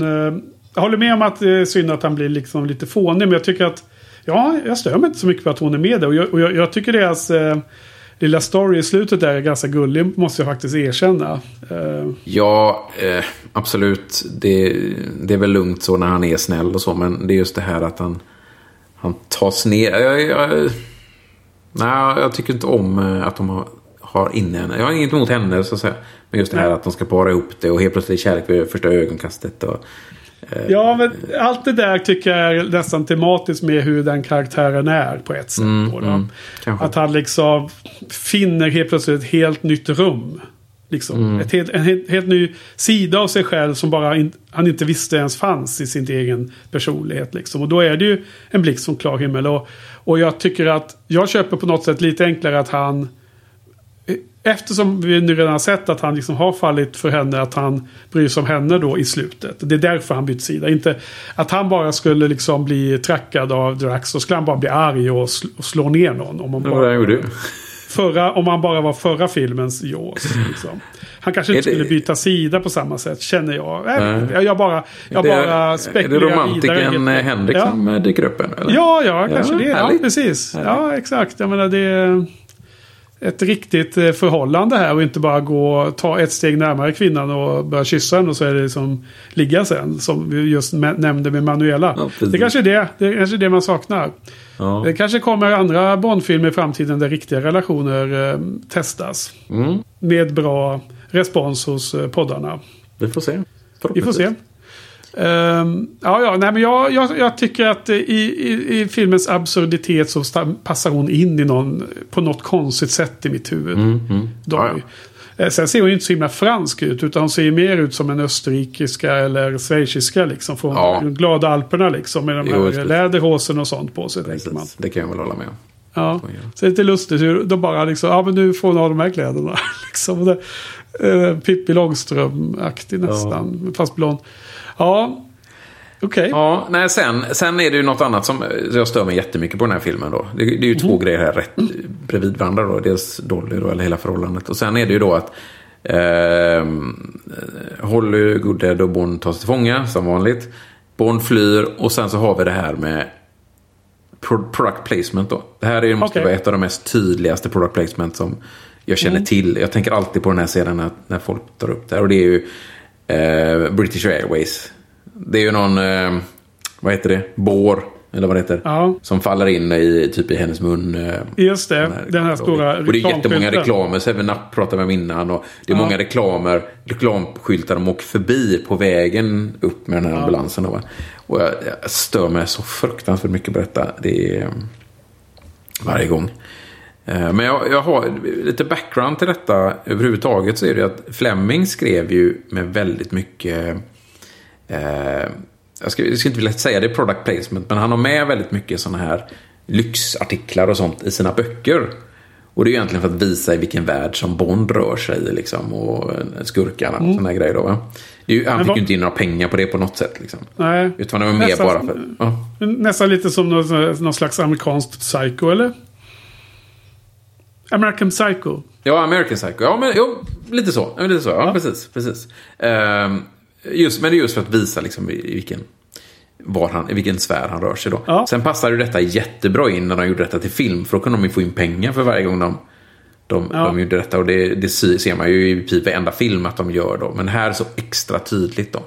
Ja, alltså du hintade innan vi, vi skulle gå vidare från förra filmen att det skulle hålla spaning på det här. Och jag, jag la ju märke till det, men det var inte så att det var så eh, fragla, fra, fragrant så att det störde mig i öronen. Men, men jag vet att det i senare Bond finns det Mm. andra filmer där det är ännu mer.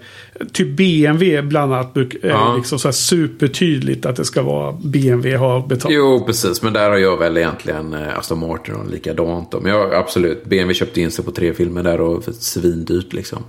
Eh, Men jag tänker, men, men andra filmer då, om man tänker då Brosnan och så. Det, du har ju i Wall is not enough så visar han ju upp sitt eh, Visakort. En sekund för länge innan Ja. han eh, gör någonting då va? Ja, men Eller- Just det, där, nästan håller det som en paus. Och sen Ja. för, för han det vidare. Precis. Så, ja. Även, även Sony Eriksson hade ju det. eh, Ja, det är ju med samma med BMW när de styr eh, bilen från Ja, men det... skärmen. Då är det en precis. Sony Ericsson-mobil. Ja, precis. Och så syns alldeles för, för tydligt. Det varit mycket bättre att bara synas nästan exakt. Ja. Nästan helt. Då hade det varit Precis. mer impactfullt tror jag.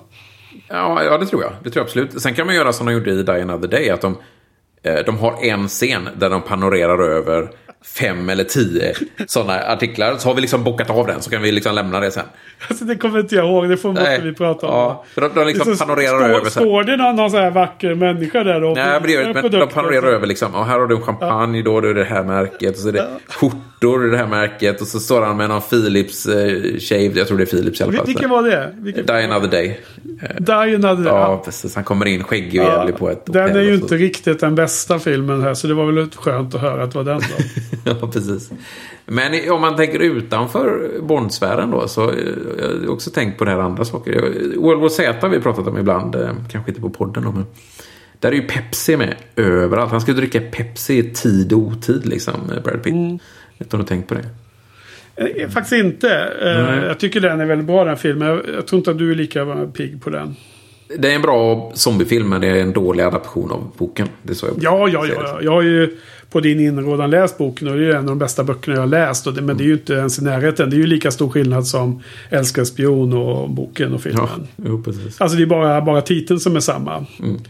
Eh, ja, någon form av värld, koncept över världen Ja, kanske är samma. Eh, Men, men som- skulle som- det inte komma en uppföljare förresten? Jag har inte det läst. på G? Jo, med, jag för mig det. Men det eh, Brad Pitt kanske, allting? kanske covid-19 som har haltat Ja. lite. Jag vet faktiskt inte. Men jag känner igen att det skulle komma något.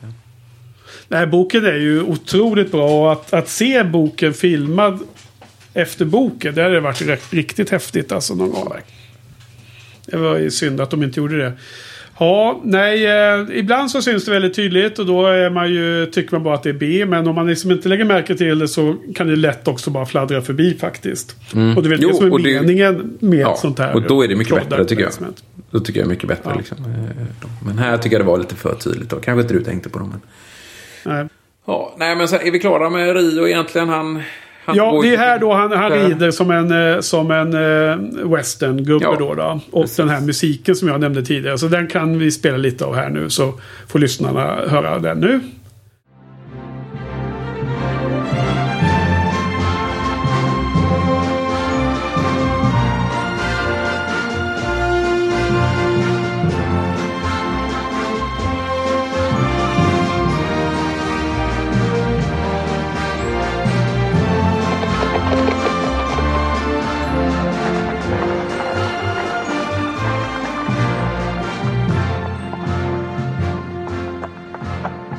Obrigado, José.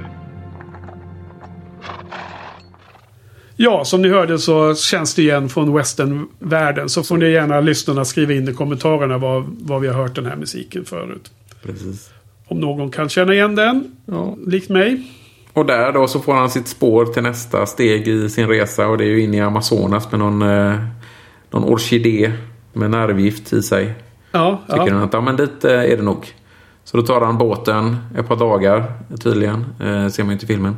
Eh, innan han kommer fram till eh, eh, vad heter det då? Iguazu-fallet är det de har spelat in det. Jag, jag, vet inte hur det, ja, precis, jag vet inte hur det Ja. men dit var ju en sån potentiell grej som vi skulle åka när vi åkte till Sydamerika. Men vi åkte tyvärr aldrig dit. Där. Ju Vi så- skulle ju ha tagit det istället för La Paz. Alla gånger, alla dagar i veckan. Ja, så hade det varit Eh. bättre. Men det, det får bli nästa gång. Precis, precis. Och här har vi väl, ja, vi har ju inga egentligen eh, av, av de här eh, annorlunda fordonen då. Vi har ju båten som åker på land lite grann och sen har vi den här när den har en hanggliding. Ja, eh, själva inte, gondolan i sig är ju annorlunda. De är ju inte Ja. ens gjorda för att åka snabbt. Så Nej, att det, en, det, det spenderar de ganska många minuter i sig för i dokumentären om hur många sådana eh, låtsasgondoler som de gjorde sönder för de Mm. Ja, bröt sig hela tiden. Men här, här- är det annorlunda då. Här är det att den ska flyga. eh, Han ska liksom eh, starta en hanggliding från båten istället. Ja. Det är väl det nya här va? och, så, och så flyger han ut över de här eh, vattenfallet. Då. Det är ganska- Och eh, ja, och det var tydligen, eh, de försökte jättemycket men de fick inte till det. Så att, så att totalt sett så är det eh, sekunder från de riktiga fallen är väldigt få i, i filmen. Mm, de, de fick göra det med modell ändå till slut. Så Ja. att det är fake. De, de ville göra, rikt, de ville göra ett riktigt eh, stunt här. Mm. Eh, men det gick inte. Och det var någon båt som fastnade och sådana grejer på en sten precis framför kanten. Så någon fick firas ner för att eh, ta loss den och höll på att dö och sådär. Och Ja. De fick ja, det avbryta. och det var massa sådana grejer som var... Ja, men grejen var att de, de avbröt ju. De fick inte loss båten. De, allting var bara misär. Och sen dagen efter så hade det regnat. Och då var ju vattnet högre. Så var båten borta. Ja, ja, okej. Sl- Släppte därför. från stenen. Ja, Ja, ja, ja. Så. Eh, ja, men sen kom de ju till uh, Bondvillens eh, main lair. Som Mm. eh, Ken Adam har gjort. Och där han enligt intervjun då ville göra den. Att den skulle se artificiell ut. Så att den, där det ser artificiellt ut. Så här som dåligt Ken Adam-jobb. Är det Mm. meningen att det ska se dåligt ut. För att det är liksom en sån udda miljö. Liksom att de här stenblocken ser ju plastiga ut. Och det var Ja. meningen. Okej. Jag vet inte riktigt hur bra det Varför skulle det vara meningen? Varför skulle det vara meningen? Jag vet inte. Det Men, är jättekonstigt. ju. ja men okej. Kan det vara en efterhandskonstruktion att han var bara missnöjd och så var han tvungen att hitta på att, att det här var meningen. För de pratar ju att det här har liksom funnits i hur länge som helst. Liksom. Att det här folk som bodde där förut dog ju av den här orkidén. Ja, jo vet- men då, då hänvisar de i och för sig till de här templen som är ute. Jo, i och för sig. Ruinerna. Så att på Inte till plaststenarna då menar du? Nej, på något sätt ska man väl tycka att Drax har byggt upp den här. För det är ju en hel... eh, Det är en hel rymduppskjutningsplats är det ju. Med massa Ja, ja. sil De hade nog inte Mayafolket eller Nej, gjort. Men, nej. men jag förstår det med. Ja, jag vet inte. Kanske. Eh, efterkonstruktion kanske var det meningen. Ingen aning. Ja. Eh, han, han kämpar med en anakonda i alla fall som, som, ser, som Ja. ser inte jätteverklig ut. Jo, men den är tydligen verklig. Det här var en ganska rolig beskrivning i dokumentären faktiskt. Okej. De hade hittat någon som hade så här svinstora anakondor. De hade två i USA. Och sen eh, fick de hyra dem och sen eh, fraktade de till eh, Florida. Och så skulle de spela in det här då. då med, eh, det är ju inte Roger Moore utan det är en stuntman givetvis. Men det var riktiga anakondan som de skulle ha då en undervattensfight med. Eh, Men det funkade inte som de hade tänkt sig. Eh, Det var ju oklart hur de hade tänkt sig. Men det som hände var i alla fall att man hade någon slags flytande platå där man utgick ifrån. Liksom. Ehm, och så hade man i eh, den ormen som skulle filmas. Och så hade man i mannen då. då.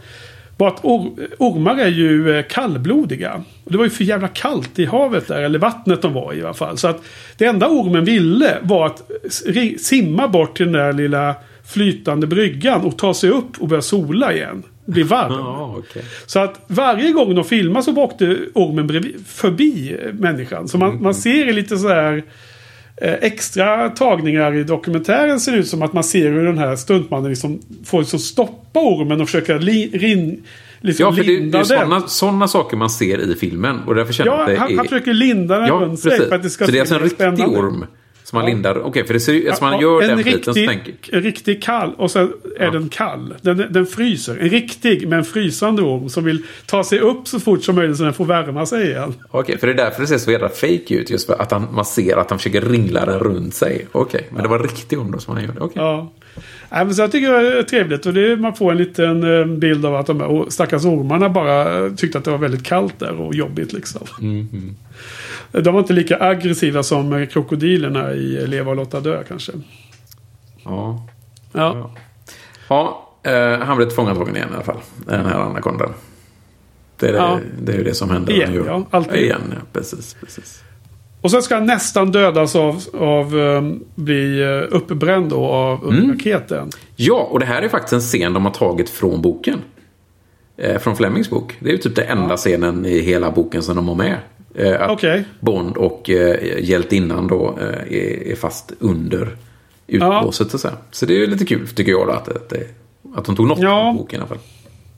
Men vad, men vad, eh, vad ty, jag, jag så tycker att de, eh, de liksom... eh, De simplifierar den här scenen. De gör, de gör inte scenen ordentligt tycker jag. De gör den bara väldigt så här fattig mans Bond. Om man jämför med tidigare Sean Connery-scenen när han blir fångad på farligt ställen. Då är han liksom jäkligt lång. Det tar lång tid för honom att pillra sig ut liksom på olika sätt. Och Mm, mm. leta sig fram och krypa eller klättra och du vet ut och in. Här är det bara, åh, eh, luft, eh, vad säger jag, luft... Eh, Ja, luftintaget eller uttaget. ja. Ja, det är ventilationsröret. Ja. Och så kryper man in där. Så kryper de ifrån den här explo, explosionsartade Ja. elden som kommer. det blir ju inte bra. Det vill jag inte Nej. på något sätt påstå. Men jag är i alla fall glad att de tog något från boken. Ja, och jag, är också glad att de överlevde där. Det hade varit jävligt snopet annars alltså. Precis. Ja. Och sen åker de upp i gymden. Ja, sen har vi gymden. Ja. Eh, Och det var det är. Vad- det- Har du ja, någonting att prata om det då? nej, de blir ju tillfångatagna igen då. Ja. Precis. Eh, Han, han får äntligen förklara sin plan, Drax. Eh, Men annars har vi pratat rätt mycket om, om den här delen. Det är inte så... Det är väl kanske lite spännande när de, när de i slutet när de ska skjuta ner de här eh, nervgaskapslarna. Men jag vet inte om du säger något annat. Nej men det är väl helt okej. Alltså jag är överraskande positiv. Det har vi redan nämnt om hela designen. Jag tycker att det är ganska kul. Jag gillar Drax. Ja, ja, jag tycker det är bra. Det är lite så här. Just det, de åker omkring i rymdlöshet och man undrar lite hur de har spelat in. Men det är tydligen med vajer då. Mm. Som det handlar om. Precis. Och detta inspelar sig då som vi sa förra gången i 007 Stage då på Pinewood. Ja, stationen. ja. Så det är... Uh, ja men det är okej. Okej slut. Det, ja, nej, alltså okej. Över, överlag så är det såklart inte så att jag går ifrån att filmen är en av de allra sämsta till en av de bästa. Utan allting är relativt. allting är, är kopplat till ens för, eh, förväntningar. Ehm, ja, nej men vad säger du då? Vad, vad tycker du om en sån här film? Vad hamnar den på? Är vi på eh, be- betygen? Alltså jag har inte Mm. mer att prata om egentligen. Eller har, har, du, har vi Jag glömt har, no- något? jag har några små grejer men vi kan absolut ta betyget redan nu. Jag har inte så mycket mer om filmen i så. Måste vi ha samma betyg eller? Det har vi inte haft tidigare ju. Eh, ja, men det måste vi inte ha.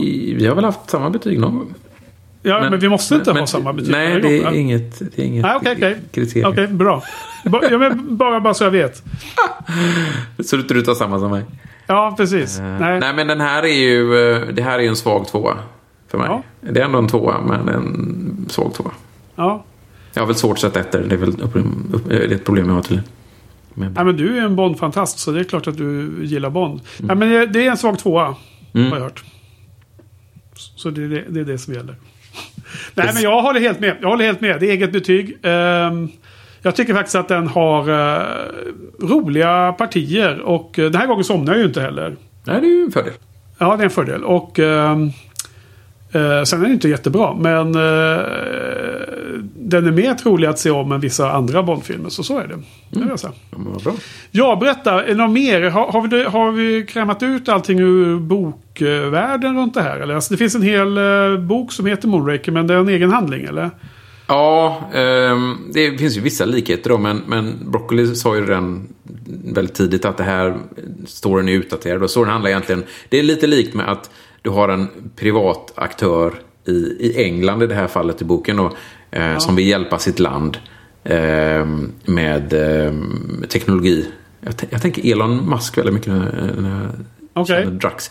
Eh, i, I boken så är det mer att han, de, de ska ha en, en stor raket, eh, Moonraker då, eh, som ska kunna eh, nå alla allas huvudstäder typ i hela Europa för som avskräckningsvapen och det här, den här, Okej. ja, eh, boken kom ju liksom 55 då, det är ju tredje boken som han gjorde. Ehm, och det känns väl inte som att Broccoli tyckte att det där funkar inte längre. Så det är egentligen det då, Drax, eh, samma karaktär. ehm, eh, men, men det är inte mycket mer som, som är eh, likt liksom. Så jag har inte mycket mer än det. Eh, Möjligtvis att, att titeln Moonraker passar väl bättre till filmen eftersom de faktiskt kommer ut i rymden. I boken så gör de ju inte det. Liksom. Ja, Okej, okej. Mm. Ja. Så. Men eh, eh, vi har pratat mycket om Ken Adam. Eh, detta Ja. är hans sista film. Han är jävligt gör- bra. Jag måste Ja. säga att jag gillar honom skarpt. Hans, hans eh, kreationer i... Prod, vad är han heter nu? Det är Product Designer va? Ja, precis. precis. Och det är alla Villains Lairs typiskt. Precis, men tydligen så har producenterna börjat, eller Broccoli börjat tröttna lite på honom. För han, han eh, är lite för bekväm att göra skitdyra sets. Och han är lite dyr själv då. Så att det här är, det är väl en av anledningarna faktiskt som de, som de skippar honom. Det blir lite för dyrt. Eh, för det, för det, har, det var också det här vi pratade om att de gjorde halva filmen i Frankrike. För att det, det blir, blir, även om de drar in en hel del pengar så blir det dyrare och dyrare att göra filmerna. Och Ja. det kommer vi nog se en, en motreaktion på nästa film. Ehm, så att de vill hålla ner priserna. Så att eh, det är sista filmen Just det, det är därför nästa film är mycket bättre. Ja, den är lite mer down to earth och lite mer... Eh, fokus på storyn lite mer och så. Ja, precis, Mm. precis. Det var lustigt alltså. Han är ofta intervjuad i, i dokumentärfilmerna. Typ alla de filmer han är med och gör product design. Och det, annars är det ju Syd Kane va, hittills. Ja, Syd har väl gjort två filmer eller någonting. Jag kommer inte ihåg. Det är något. Mm. Eh, och han är ju extremt nöjd med sig själv, Ken Adam, i de här Alltså? intervjuerna. Och eh, dokumentärerna har för övrigt gjorts allihopa år 2000. Det har jag nu, klar, det har jag nu fått, fått koll på, för det liksom verkar vara samma år. eh, kom säkert någon, eh, någon box ut där då som han gjorde det. För. Ja, precis. Någon, någon ny release. Så han är ju extremt eh, belåten med sig själv. Men jag, jag gillar hans stil. Jag tycker han är jäkligt rolig att se och höra. Och han berättar massor med stories. Så det var... Eh, jag, jag kan inte åtdra den här. Men den, de som vill kan kolla på den intervjun när han drar en story om de franska fackföreningarna. Och hans, eh, hans fight mot dem och sådär. Och få, få franska teknikerna som jobbade med honom eh, att jobba övertid och sådana grejer. Det var jätteroligt. Liksom. Ja, det, ja. Det, det är kul att se men det är inte så roligt att återberätta. I Nej, okej. okej. Ja, nej, eh, i övrigt är det väl bara det att eh, i denna filmen så tar eh, Cubby Broccolis svärson Michael G. Wilson en större roll. Och han blir eh, executive producer då. Just det. Eh, och det är ju folk man ska hålla koll på då. Eh, För han blir en viktig figur, ja, har man förstått. Men Ja. var det han som gjorde um, appearances också i filmerna, eller? Ja, eh, det stämmer. Det stämmer faktiskt det. Ehm, han är väl... han är med som... Det är ingenting som man ser, men han är tydligen med som eh, någon, någon tek, technician i, i slutscenen där i rymden. Jaha. Eh, sen han väl- med, även här alltså? Ja, precis. en liten- Och, och även han och hans styvsyster Barbara Broccoli kommer också komma tillbaka mycket framåt. Och eh, Cubby Broccoli är tydligen alla med på eh, Marcusplatsen i Venedig där. Men det är ingenting som Okej. man ser tror jag. Men de är i bakgrunden någonstans. eh, Så. De gör inte det lika tydligt som Hitchcock gjorde till slut. Nej, eh, Mike- Michael G. Wilson kommer synas mycket tydligare eh, Okej. i, i vissa filmer. Definitivt. Okej. Han har egen Ja. roll liksom ibland. Ja. Eh, på tal om location scouting. Har du, nu har vi redan fått veta att vi var där och, och, och du var där och fotade på Sockertoppen. Men finns det några andra ställen från den här filmen du har varit på och Ja, fotat? Det är ju rymden då. Möjligtvis. Har du varit i rymden? Nej. Ehm, nej. Only, only in your mind. Ja, precis. Jag vet någon gång kanske. Nej, eh, det har jag väl inte varit. eh, eh, Nej, utan det är ju där vi var i Sockertoppen framförallt. Då. ja. Får väl se om vi åker till de här fall, vattenfallen någon gång och åker tillbaka till Venedig är ju plan också. Paris finns ju en del grejer där. eh. Just det. Eh, ja, precis utanför Paris då ja. Mm. Ja, just det. Okej. Mera? Nej? Nej, nu blir det inte mer. Nu får vi se Nej. fram emot nästa film istället. Ja, För nu står det ju precis. samma sak i slutet av den här filmen. Ja, precis. Ja. Har du sparat in det? Då kan de redan skrivit det. Kan Ja, de precis. återanvända? Återanvända den. James Ja. Bond will return in for your eyes only. Så det blir nästa film som vi kommer titta på. Ja. Och eh, jag har inte, eh, jag har inte redovisat det varje gång. Men den här gången så vill jag höra lite hur dina förväntningar är inför titeln av eh, nästa film. Mm. Det här eh, förväntar jag mig en, del av, en hel del av. Det är ju inte den, det är inte topp topp, men det är topp. Det kanske är Moores näst bästa Bond skulle jag vilja säga. Okej. Eh, jag har jättehöga förväntningar på den här. Vilket låter oroväckande hör jag själv när jag säger så. Eh, men det är faktiskt den film som eh, faktiskt slår Älskade spion ännu mer på fingrarna när det gäller nostalgikontot. Det, är- det är Älskade spion och, och Ur dödligt synvinkel som är de här två eh, grundpelarna i eh, fundamentet av min Bond, Bondresa genom Ja. livet. Får vi besök? Ja, jag har någon dotter där som kommer. Jag kan inte läsa härifrån. Älskling, du får komma hit i så fall. Ja. Eh, hon är hungrig, säger hon. Ja, så det ja, kanske är dags att avsluta podden. slut.